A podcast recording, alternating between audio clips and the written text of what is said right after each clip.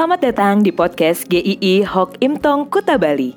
Penginjil Ray Reginaldi akan membagikan renungan harian singkat untuk membawa Anda mengenal dan menyembah Tuhan Yesus, bertumbuh dan menjadi murid Kristus, serta berdampak untuk banyak orang. Jika Anda merasa diberkati melalui renungan ini, silahkan bagikan podcast ini agar orang lain juga diberkati.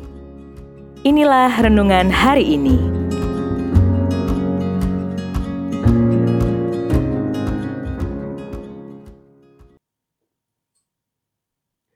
Dekat tapi jauh. Markus 10 ayat 35 sampai yang ke-45.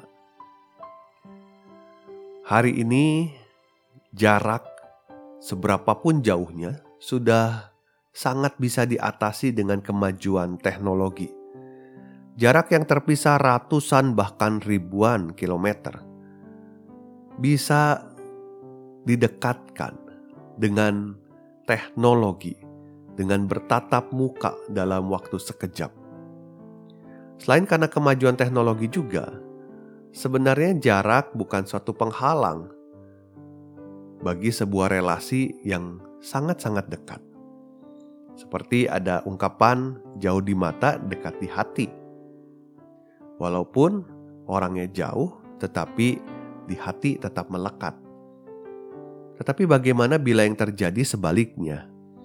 Dekat di mata, jauh di hati. Mungkin orangnya ada bersama-sama setiap hari secara fisik dekat, tetapi di hati begitu jauh. Ini juga bisa terjadi di dalam relasi kita dengan Tuhan. Mungkin kita kental dengan seluruh aktivitas rohani, tetapi hati kita jauh dari Tuhan. Ini juga yang terjadi di dalam diri Yakobus dan Yohanes dalam relasi dengan Tuhan Yesus. Ketika mereka sedang bersama-sama, perhatikan permintaan mereka kepada Tuhan Yesus. Di Markus 10 ayat 37, Perkenankanlah kami duduk dalam kemuliaanmu kelak, yang seorang lagi di sebelah kananmu dan yang seorang lagi di sebelah kirimu. Mereka dekat dengan Tuhan Yesus secara fisik. Mereka selalu bersama-sama dengan Dia. Mereka meminta satu tempat juga yang dekat dengan Dia, di sebelah kanan dan di sebelah kiri. Tetapi, apakah hati mereka dekat kepada Tuhan? Permintaan mereka ini diajukan tepat sesudah Tuhan Yesus menyatakan bahwa Dia akan menderita Sedangkan yang mereka pikirkan hanya soal kekuasaan. Mereka berpikir Tuhan Yesus akan jadi raja secara fisik untuk orang Israel, dan mereka akan berkuasa di Israel, dan mereka ingin kenikmatan itu juga mereka rasakan. Ini sangat menyedihkan sekali sebetulnya. Mereka meminta tempat yang dekat dengan Tuhan Yesus di sebelah kiri dan kanan. Sehari-hari mereka bersama-sama dengan Dia, padahal hati mereka sesungguhnya jauh sekali dari Tuhan Yesus. Mereka tidak mau mengerti, mereka tidak mau memahami, tidak menyimak apa yang Tuhan kehendaki. Apakah sepuluh murid yang lain lebih baik?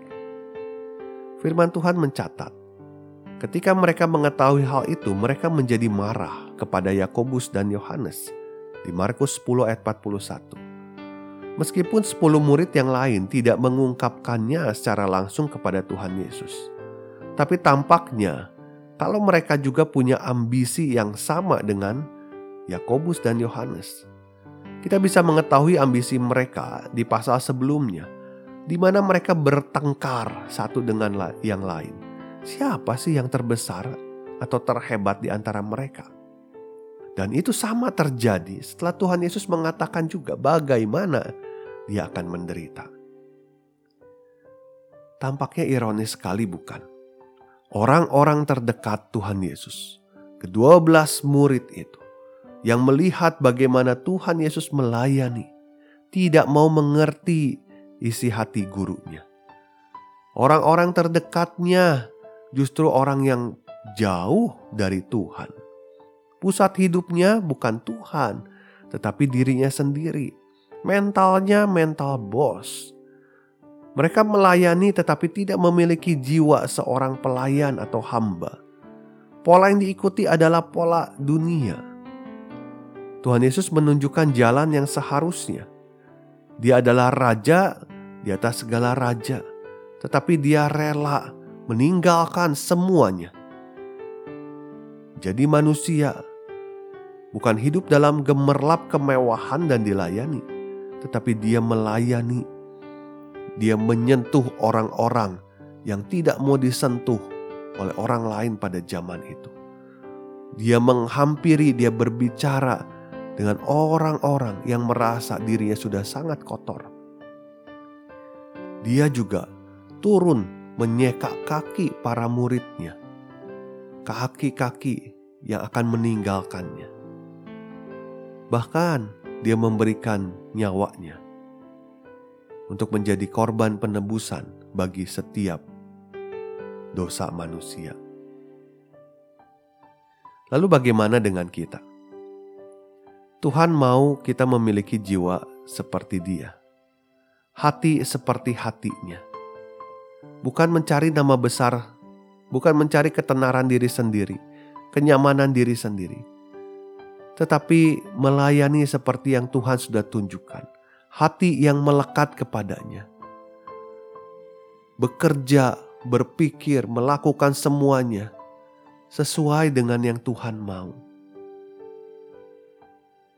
Kalau kita mengerti isi hati Tuhan untuk setiap kita, kita pasti akan berusaha untuk senantiasa memuliakan Tuhan dan bukan memuliakan diri sendiri.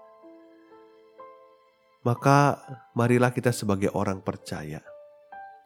Jangan dekat di mata, tapi jauh di hati. Tapi biarlah kita miliki relasi dekat di mata dan dekat di hati. Kiranya Tuhan memberkati.